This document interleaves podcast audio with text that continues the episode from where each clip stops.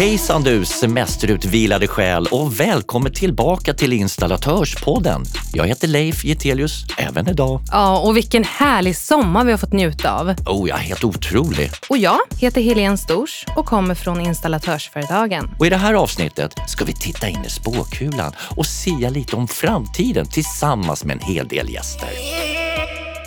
När alla saker blir uppkopplade så kommer det ställas helt andra krav. I slutändan så är det ju helhetsbilden som gör att vi presterar. Man får börja tänka utanför boxen och leta folk i andra branscher. Det är viktigt att vi installatörer också blir inbjudna. Frågan är om det egentligen går för långsamt och det är det vi egentligen vill lyfta upp till politiken. Stigande materialpriser, tomma utbildningsplatser och backventiler. Där har ni tre snackisar just nu. Leif, vad tänker du på när jag säger att installationsbranschen kommer att se annorlunda ut i framtiden? Förändring, spänning och med det också en massa frågetecken som dyker upp förstås. Ja, och de flesta yrkena inom installationsbranschen är ju faktiskt gamla skråyrken från tidigt 1800-tal. Och då slår det mig, hur mycket kan det egentligen förändras? Ja, men det är sant Helene, men det finns ju så mycket nytt och så då kan man ju tänka sig att även gamla yrken förändras. Men nu ska det bli riktigt intressant att höra hur våra gäster ser på det. Vår första gäst är expert inom kommunikations och säkerhetsteknik på installatörsföretagen. Välkommen hit Joakim Karlsson. Tack så mycket. Vad gör du egentligen om dagarna? Det handlar ju om egentligen alla typer av tekniker som har till syfte att överföra någon form av information. Och informationen kan vara larm, bild, ljud, styrfunktioner, mätvärden eller något sådant. Det är egentligen alla de eltekniska system som inte är rena elströmförsörjning. Mm. Som våra 230-nätet kan vi säga. Mm. Och teknikutvecklingen den går ju verkligen spikrakt framåt och ger såklart nya möjligheter. Men eh, vart står egentligen branschen idag och vad tror du är nästa stora kliv? Ja, branschen står inför en jättestor förändring just nu. Vi hör ju många sådana här modeord som digitalisering, IoT, AI, smarta system och så vidare. Och alltihopa det här påverkar ju givetvis vår bransch. Men om man tittar rent konkret på vad det innebär och just kanske det här ordet smart, många har hört talas om. Eh, smart, i grund och botten när man köper en smart TV, smart kylskåp, smart dammsugare och så vidare, så är egentligen ordet smart likställt med uppkopplat, det vill säga produkten är inte särskilt smart i sig. Det är att den är uppkopplad och kan kommunicera med internet. Vi har ju även begreppet smart i smarta städer, smarta fastigheter och sådana saker. Och i grund och botten så är det också att de är uppkopplade för att kunna kommunicera och prata med varandra. Men tekniken i sig är kanske inte så intressant. Utan det intressanta är när vi människor adopterar tekniken och den innebär något för oss. När tekniken underlättar vårt liv, gör det bekvämare, gör det tryggare eller på annat sätt effektiviserar. Det är då vi får en effekt utav tekniken. Det är först när produkterna börjar underlätta vårt liv eller hjälpa oss som de är intressanta. Om vi tar ett exempel på en belysningsanläggning, kan den släcka när du går ut i rummet? Ja, då hjälper den dig. Ett larm som slår på när du går hemifrån eller en ventilationsanläggning som slår igång när det behövs ventilation. Och för att det här ska fungera så måste vi få de tekniska systemen i fastigheten att prata med varandra. Annars är det omöjligt. Samma sak vill vi kunna styra saker på avstånd och för att kunna styra saker på avstånd så måste de vara uppkopplade så vi kan prata med dem på distans. Men det är det här med automationen som är intressant, att få saker att jobba tillsammans självständigt utan att vi människor är inblandade. Det är då det är intressant. Och eventuellt stöd med AI då, artificiell intelligens som kan hjälpa oss att fatta beslut eller hjälpa systemet att jobba så effektivt som möjligt. Är det det här som är en smart installation? Ja, det kan man säga. Eller snarare kanske modern installation så som installationerna förväntas se ut framöver. Ja, och i takt med att eh, alla de här smarta installationerna ökar så borde det ställa nya kompetenskrav på installatören. Helt rätt. Och det ställer framförallt helt nya krav på den här kommunikationsinfrastrukturen som inte bara ska överföra data som en gång i tiden. Nu ska den överföra larm, styrningar och kanske andra livsnödvändiga funktioner som då skulle bli väldigt kritiskt om de föll bort eller om de helt plötsligt inte fungerade korrekt. För att få de här kommunikationsinfrastrukturen så generellt som möjligt så finns det standarder för det. Och det har kommit en ny standard för fastighetsnät. Och fastighetsnät är benämningen på den här infrastrukturen som ska fungera generellt. Och den nya standarden gör att vi bygger alla våra nät på samma sätt och de blir framtidssäkra för att klara dagens applikationer men även kommande behov vi ser framöver.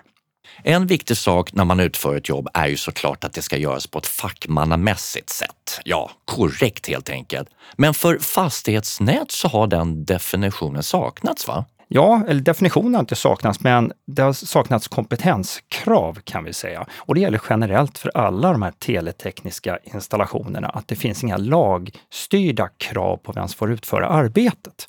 Däremot så har vi inom installatörsföretagen tillsammans med flera andra branschaktörer tagit fram en certifiering som bygger just på att certifiera kompetens för de som ska utföra fastighetsnät. Och den heter då Behörig installatör fastighetsnät.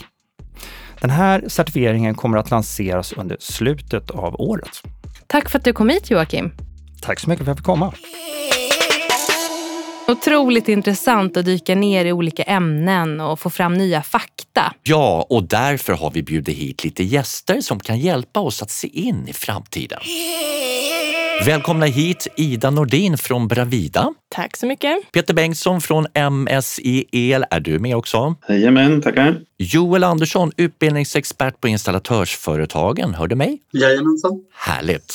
Peter, för att börja med dig. Du är VD på MSI El eller Motala Ströms Installations AB. Du har sagt i en intervju att du citat inte tittar vansinnigt mycket på kompetens utan mer på handlag och personlighet. Berätta! Men det här var ju någonting som jag lärde mig ganska tidigt och framförallt då genom idrotten. Jag, där förstod jag just det här med grupp och gruppdynamik, hur viktigt det är. Så det är egentligen där det börjar, att det gäller att komponera ihop en, en bra mix av olika kompetenser inom bolaget. Ida, mm. du eh, arbetar ju som projektledare inom VS och Bravida men är utbildad till byggnadsingenjör med inriktning installationssamordnare och fastighetsutveckling.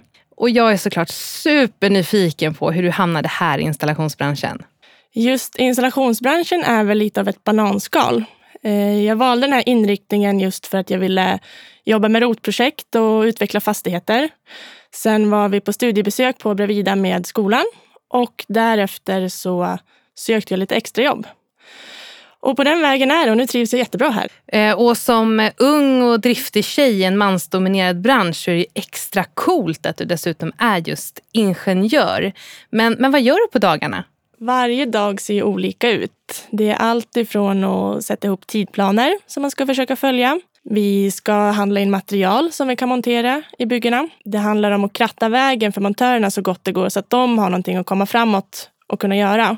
Det gäller att hålla koll på kontraktshandlingar, både på kontrakten mot beställaren men också vilka regler som man ska följa inom AB04 och ABT beroende på vilket projekt det är.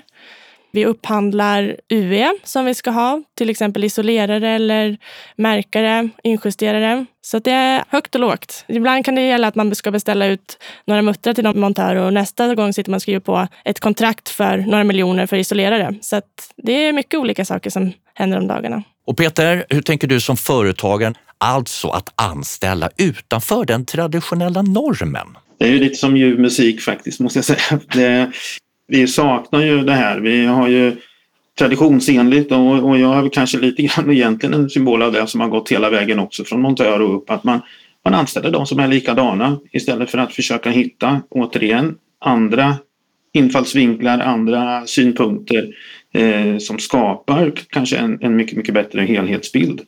Eh, och det här är ju framförallt det vi behöver. Kvinnliga, kvinnliga projektledare och kvinnliga förebilder också som finns i branschen och tar den framåt. Ja, och hur går det? Finner du några tjejer där ute?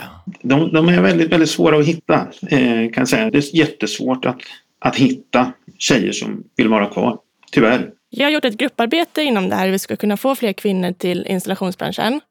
Och eh, då resonerar vi lite att man kanske måste gå utanför ramarna. För att som projektledare så ska du vara duktig på både juridik, du ska kunna ekonomi, du ska vara en duktig ledare, du ska ja, you name it. Så att man kanske kan börja leta inom andra utbildningar. Kolla ekonomi, kolla juridik. Det kanske går att få några, eller hitta intresserade, teknikintresserade kvinnor där som går att lära upp. Det tror jag är en, en väg att kunna gå i alla fall. Generellt för ungdomarna idag att vi i branschen är alldeles för dåliga på att marknadsföra oss. Att tala om vilken bredd det finns. Det är ju trots allt vi som bygger framtidens miljö. Eh, när vi pratar energieffektiviseringar, automation och så vidare. Eh, så där behöver vi generellt bli otroligt mycket bättre. Jag tror att det är okunskap hos många tjejer vad man faktiskt gör inom den här branschen som projektledare eller avdelningschef. För det är inte så mycket som går ut. Jag tror att det behöver marknadsföras på ett bättre sätt och visa vad man faktiskt gör. Att det är en så här stor, pass stor del ekonomi och juridik. För att det kan man väl se att det är fler tjejer inom de utbildningarna än vad det är inom installationsbranschen. Ja, för det sitter ju många företagare där ute, likt Peter, som verkligen är ute efter att finna tjejer och ta in i sin organisation. Ja, och Joel, var det kanske lite det du hade i eh, baktanken när du ville ta reda på hur installationsbranschen kommer att förändras i framtiden? Både och skulle jag säga. Jag tror den största utgångspunkten för vår del det är att vi pratar ofta kompetenser här och nu. Och det som vi försöker påverka mest är ju utbildningssystemet. Samtidigt vet vi att om du har en individ som ska gå i skolan, säg gymnasiet, då kommer det ta tre år. Sen så är det en lärlingsperiod. Så att den personen är ju ute i arbete och jobbar för fullt kanske fem, sex år framåt. Och då är vi redan i framtiden och pratar framtidens kompetenser. Så att om vi ska utveckla kompetenser idag så måste vi tänka framåt. Vi kan inte tänka vad vi behöver nu utan vi måste tänka vad vi behöver i fem år för det är då individen är ute på arbetsplatsen. Sen är det såklart så att vi behöver mycket folk till vår bransch och då måste vi både för att få in nya kompetenser men bara liksom få in mer människor så måste vi blicka åt alla håll. Den här rapporten som du hänvisar till, när den landar hos dig Joel, var det någonting som du hajade till på? Eller var resultatet helt självklart? Ja, men det var nog lite olika delar skulle jag säga. Dels det faktum att, lite som Peter var inne på, att eh, det kanske inte är sakkunskaperna som är det allra viktigaste utan mer de mjuka värdena. Och det ser vi också kopplat till kompetensen att det kommer krävas vissa saker som kanske går utanför den traditionella yrkesrollen. Men att man skiftar fokus då att i första hand kolla på förmågor för att sedan då utbilda personen? Ja, men lite mer åt det hållet skulle jag säga. Och där har vi redan tankar idag i branschen. Till exempel företagslärling som har lite det tänket att du hittar en individ först som passar ditt företag och sen så utbildar den istället för att gå från andra hållet att utbilda en person och sen så ska du hitta rätt person utifrån den gruppen. Och vad säger du Peter när du hör att eh, det här med fokus att det ska skiftas då från kvalifikationer till förmågor? Egentligen lite det som vi pratade om inledningsvis. Men det stämmer ju absolut och, och eh, det ligger ju helt i linje med mitt sätt att tänka som, som började för ganska många år sedan och, och var kontroversiellt då men just nu så är det ju faktiskt modernt eh, och det är lite, lite roligt och man har genom åren där också fått slåss lite grann för att plocka in de som kanske inte var allra vassast med skruvmejseln som jag brukar uttrycka mig utan de som kanske passade in som lagspelare. För i slutändan så är det ju helhetsbilden som gör att vi presterar. Alltså hur mår vi på jobbet, hur mår vi på fritiden? Hur... Vi ska vara glada när vi kommer till jobbet och vi ska vara minst lika glada när vi går hem. Ehm, då kommer vi också prestera bra. Och Ida, håller du också med om det resonemanget? Ja, det skulle jag säga. Man ser väl mer att det är färre och färre som söker till branschen har jag förstått det som, som montör redan från början. Så vi kommer väl behöva plocka in fler som har den teoretiska kunskapen men aldrig varit ute och skruvat själv. Men jag ser väl att det kan bli en bra blandning i slutändan mellan de som har kunskapen ute hos montörerna och de som, de som har den teoretiska kunskapen som kommer från skolan. Och där är det också viktigt då att försöka hitta bra ledare. Hur tror ni att traditionella företag bör göra för att våga se över sina befintliga affärsmodeller och ta in kompetenser som de inte har idag? Om vi börjar med dig Petter. Här måste man ju såklart titta på de som är något av föregångsföretag så att säga. Hur, hur har de gjort och att man, man vågar sig ut lite grann på den här tunna isen och känna sig för. Så behöver man inte ta allt på en gång utan att man, man kanske börjar med någon liten nisch och sen så utvecklar man den vidare. Vi hade till exempel ingen konstruktionsavdelning. Nu, har vi, nu konstruerar vi nästan allt själva. Och det är lite sådana här grejer man måste våga. Ja, men jag ser väl just det där med att man får börja tänka utanför boxen och leta folk i andra branscher. För att som projektledare så innefattar fler branscher den rollen som man har på jobbet. Så jag tror ju att hittar man teknikintresserade tjejer och killar i andra branscher så går det ju att lära dem den här tekniska som vi har ute på byggen. Och Joel, finns det något annat som framkom i rapporten? Det är dels att vi ser att det kommer bli större behov av olika typer av specialister på företagen. Det kan handla om att du behöver någon specialist inom hållbarhet eller olika typer av säkerhet, cybersäkerhet till exempel, eller entreprenadjuridik. Och idag kanske det är som stora företag har i vår bransch. Men det kommer bli allt viktigare även på mindre företag och därför ser vi att kompetensbehoven kommer att öka också på individer som har gått yrkeshögskola och högskola för den delen. Samtidigt med det så ser vi också att montörsrollen kommer att behöva breddas. Du kommer behöva kunna mer som montör. Det kan handla om att du kanske ska bli bättre på att veta hur du ska återvinna vissa material. Vi pratar ganska mycket om att man går från att montera någonting till att konfigurera någonting och att instruera och hjälpa kunden. Där ser vi att det kommer komma liksom sådana kompetenser som montören kommer att behöva. Man måste vara väldigt noga med att informera om de olika yrkesrollerna. För jag tror att det är där man åker på mycket. Att montören förväntar sig mycket att projektledaren ska göra det här. Projektledaren förväntar sig att montören ska göra det här. Och där blir det ingen tydlig gräns på vem som gör vad. Så det tror jag kommer vara väldigt viktigt också i framtiden. Vilka intressanta tankar. Ja, verkligen. Och jag tar i alla fall med mig alla era spännande resonemang in i framtiden. Stort tack för att ni hängde med oss. Tack så mycket. Tack själva. Tackar. Otroligt spännande att få så många nya perspektiv på sånt som jag trodde att jag redan hade koll på. Verkligen! Och om jag var en företagsledare i den här branschen, då skulle jag försöka vidga mina vyer så mycket som möjligt. Då ska vi ta och kasta oss över tre snabba från tidningarna Elinstallatören och VVS Forum. Varsågod, chefredaktör Fredrik Karlsson. Nummer ett.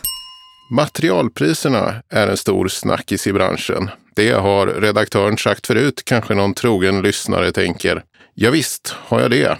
Och det är branschens hetaste ämne just nu. Råvarupriser stiger kraftigt. Coronaeffekter, importproblem från Kina, halvledarbrist, stopp i amerikanska plastfabriker och stopp i Suezkanalen. Allt leder till att el och VVS-material stiger snabbt i pris. Företagen behöver ha framförhållning, se över gamla materialval och täcka upp för osäkerheten när nya anbud lämnas. Nummer två. El och VVS-utbildningarna drar igång och de är viktiga för att säkra kompetensförsörjningen till branschen. Men många stolar står tomma. Antalet sökande måste bli fler. Vi kan alla berätta om vilka möjligheter det finns eh, till en ljus framtid i installationsbranschen. Och den behöver bli ljus för de som är redo för branschen. Så min eh, passning till företagen här och nu är att göra allt ni kan för att kunna erbjuda praktik och lärningsplatser. Nummer tre. Backventiler. Där har ni ett ord som diskuteras mycket bland villaägare i områden där vatten trängt långt upp i källarutrymmena. Många skriker i panik efter rörmokare. Ja, även elektriker kan få mycket att göra med att kontrollera elen när vattenskadade fastigheter ska tas i bruk igen. Under vignetten Medlemsfrågan brukar vi ställa en fråga från en medlem. Men eh, efter en turbulent vår och sommar i Rosenbad så, så känns det inte mer än rätt att snacka lite politik. Fast på ett kul sätt såklart. ja, såklart. Vi ska prata om ett år kvar till valet med fokus på installatören och installationsbranschen. Vad kan vi förvänta oss? Och för att inte vi ska sitta här själva och spekulera så har vi bjudit in Amanda Rafter Ekenman som är näringspolitisk chef på Installatörsföretagen. Hej! Tack för att jag fick komma hit. Och högsta hönset tillika VD Ola Månsson. Välkommen du med. Hejsan! Politik eller näringspolitik, det är någonting som ni båda jobbar med på olika fronter. Eh, där ni har bjudits in till samtal av statsråd som miljö och klimatminister Per Bolund, energi och digitaliseringsminister Anders Ygeman, arbetsmarknadsminister Eva Nordmark, utbildningsminister Anna Ekström och självaste statsministern Stefan Löfven. Men hur känns det för att komma in i finrummet, Ola? Det känns självklart jättebra. Men det är viktigt att vi installatörer också blir inbjudna ibland fastighetsbolag, byggbolag, våra kunder. Trots allt är det vi som ska installera. Det är 50 procent installationer i en byggnad. Så att man äntligen även från högsta beslutande organ i Sverige bjuder in oss. Det tycker jag vi verkligen ska ta fasta på och, och känna oss stolta för vår bransch. Och jag då som representerar oss, jag ser det som otroligt viktigt för att vi ska kunna påverka våra medlemmars, det vill säga ni som lyssnar på det här, era affärer på lång sikt. Vi ändrar ingenting över dagen. Men vi är några stycken som försöker förändra på lång sikt. Vad betyder näringspolitik egentligen? Ja, det låter ju väldigt fint, men det är väldigt enkelt. Först och främst, vi som bransch och arbetsgivarorganisation, vi är helt opolitiska. Det enda vi gör, det är att dagligen tänka på att få bort de hinder ni har, våra medlemmar, för att göra bra affärer. Och det är för mig näringspolitiken. Precis, att skapa bra förutsättningar för våra medlemmar att verka i. Det är liksom det det handlar om. Hur kan man få se till att det är bra lagar, regler och system som passar våra företag och se till att det är smidigt att jobba, vi ska få så mycket marknadsmöjligheter som möjligt och egentligen att business ska funka bra utan att det är massa hinder och käppar i vägen. Men eh, vår devis den lyder ju att det är vi som gör klimatomställningen möjlig, där eh, viet står för branschen. Men kan inte du utveckla varför den sägningen fungerar så bra just i politiska sammanhang? Jo, den gör det därför att de pratar så mycket om att vi ska minska koldioxidutsläpp och allt möjligt. Men hur? Och det är våra medlemsföretag som ändå gör det jobbet. Vi skruvar ner i pannrummet. Vi eh, installerar elanläggningar, vi installerar värmeanläggningar, vi installerar kylanläggningar, vi installerar ventilation. Alltså, ni medlemmar gör ju själva jobbet och ska ju tänk, tänker mest i dagen tror jag att räkna på ett jobb, skapa ett jobb, sysselsätta sin arbetskraft. Men på det långa perspektivet så vet jag att många medlemmar nu börjar på sina hemsidor kunna se vilka olika lösningar finns det. Att kunna tala med kunden om du kan faktiskt spara så här mycket värmeenergi om du gör så här. Sätt in en värmepump eller vad du gör. Liksom det är trots allt vi som är kärnan till att allting ska bli gjort. Men eh, Amanda, när du tänker på installationsbranschen om ett år ur ett näringspolitiskt perspektiv. Vad, vad tror du att vi kan förvänta oss? Och då tänker jag på gröna installationer, färdplan 2045, satsningar på kompetensförsörjning och annat som kan påverka installationsbranschen.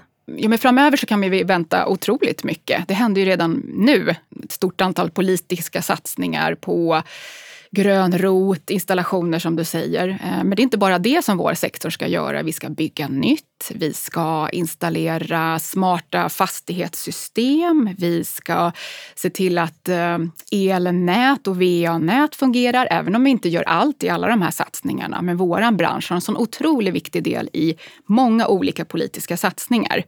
Och politiken nu i och med att vi behöver ställa om vårt eh, för att anpassa oss till klimatet. Vi ska minska våra utsläpp, vilket kommer innebära att vi behöver elektrifiera exempelvis transporter och industri. Det gör ju till exempel vi behöver installera ett stort antal laddstolpar. Det är solceller som ska upp på taken. Vi ska se till att våra fastigheter och bostäder och industrier använder mindre energi. Vi kommer in överallt.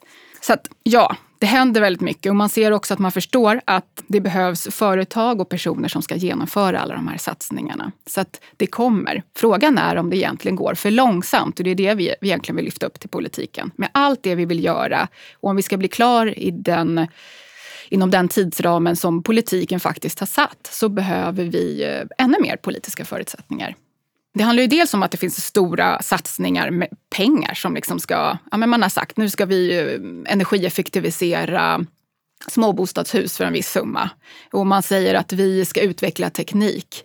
Men för att göra alla de här stora satsningarna kommer det också behövas kompetens som vi pratade om tidigare i avsnittet. Det behövs fler personer som ska göra de här sakerna men vi behöver också ny kompetens. Vi behöver uppgradera de befintliga medarbetarna, att de ska kunna helhetssystem. En elektriker behöver kunna kanske mer om VVS och ventilation och isolering till exempel.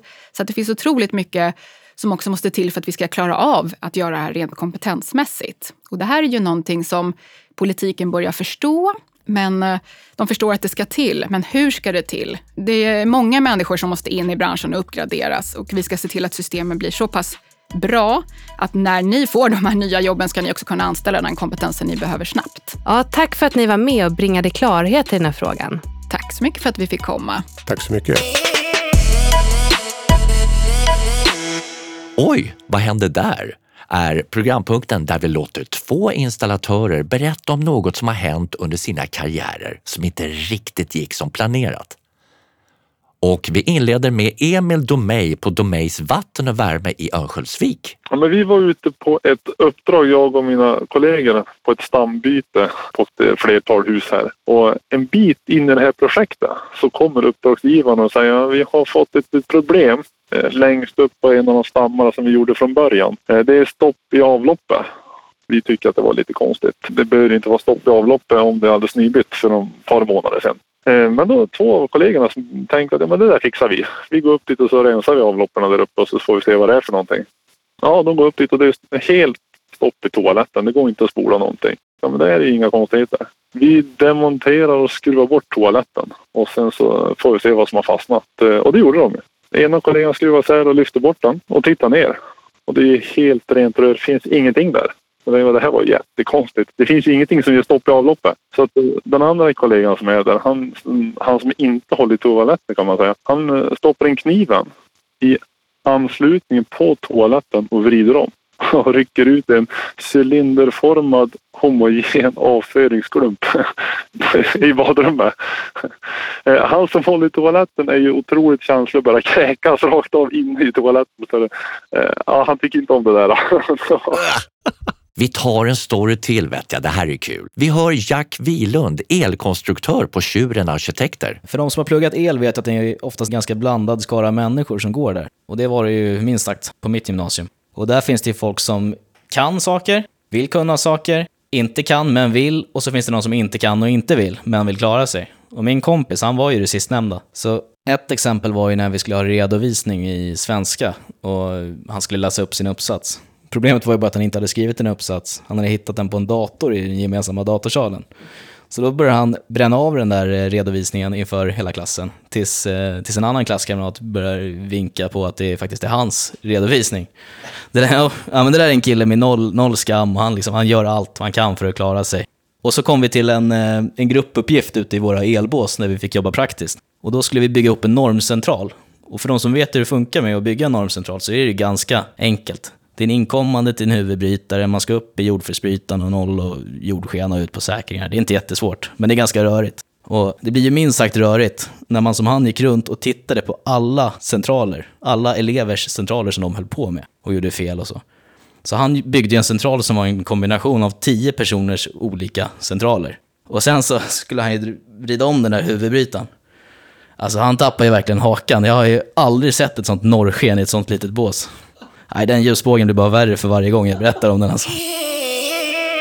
Slutet gott, allting gott. Ja, och som vanligt, kontakta oss om du vill vara med i podden eller om det är någonting som du tycker att vi ska ta upp. Det här är branschens podd. Hur gör man då? då?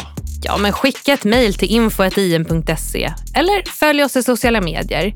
Vi är aktiva på Facebook, LinkedIn, Twitter och Youtube. Och det kommer ett nytt avsnitt och i nästa avsnitt kan vi avslöja något redan nu vad som kommer hända eller? Ja, i det här avsnittet har vi på olika sätt fokuserat på morgondagen.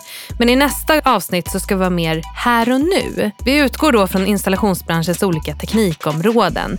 Men mer specifikt om solenergi, sprinkler och annat som ligger i ropet just nu. Härligt och spännande. Vi ses då! Hej då! Hej då!